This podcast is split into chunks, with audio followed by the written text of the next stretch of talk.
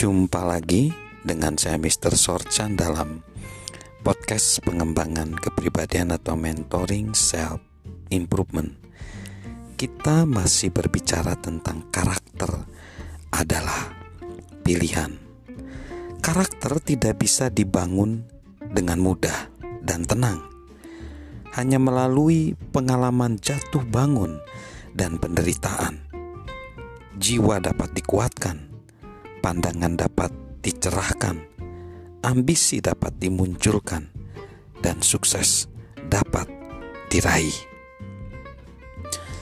Anda akan menampakkan karakter Anda dengan lebih jelas ketika Anda membicarakan karakter orang lain.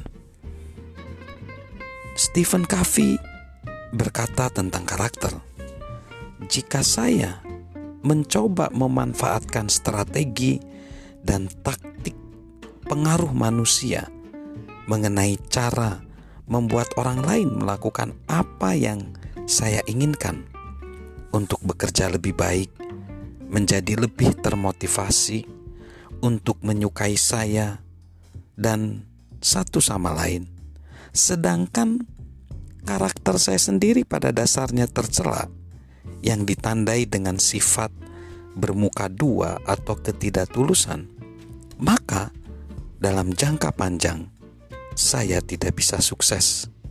Sikap bermuka dua saya akan melahirkan ketidakpercayaan, dan segala hal yang saya kerjakan, sekalipun menggunakan yang disebut teknik hubungan antar manusia yang baik, akan dianggap manipulatif. Jerry West berkata, anda tidak bisa melakukan banyak hal dalam hidup jika Anda hanya bekerja pada hari ketika Anda merasa senang. Sedangkan Johann Wolfgang von Goethe berkata, bakat dibentuk dalam keheningan, karakter dalam arus deras dunia. Bagaimana sih kita memahami karakter? Karakter yang pertama adalah begini: anugerah dan bakat diberikan kepada kita, tetapi kitalah yang membentuk karakter. Yang kedua, karakter kita sangat penting karena ini membuat kita memperoleh kepercayaan dari orang lain. Yang ketiga, hanya karakter yang baik yang memberi kita kesuksesan abadi dengan orang lain. Yang keempat, karakter yang kuat mengkomunikasikan kredibilitas dan konsistensi kita.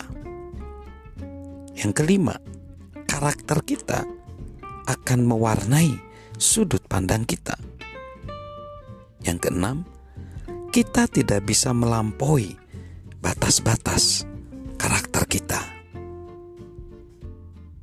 Jadi, cara seseorang bermain menunjukkan sebagian karakternya.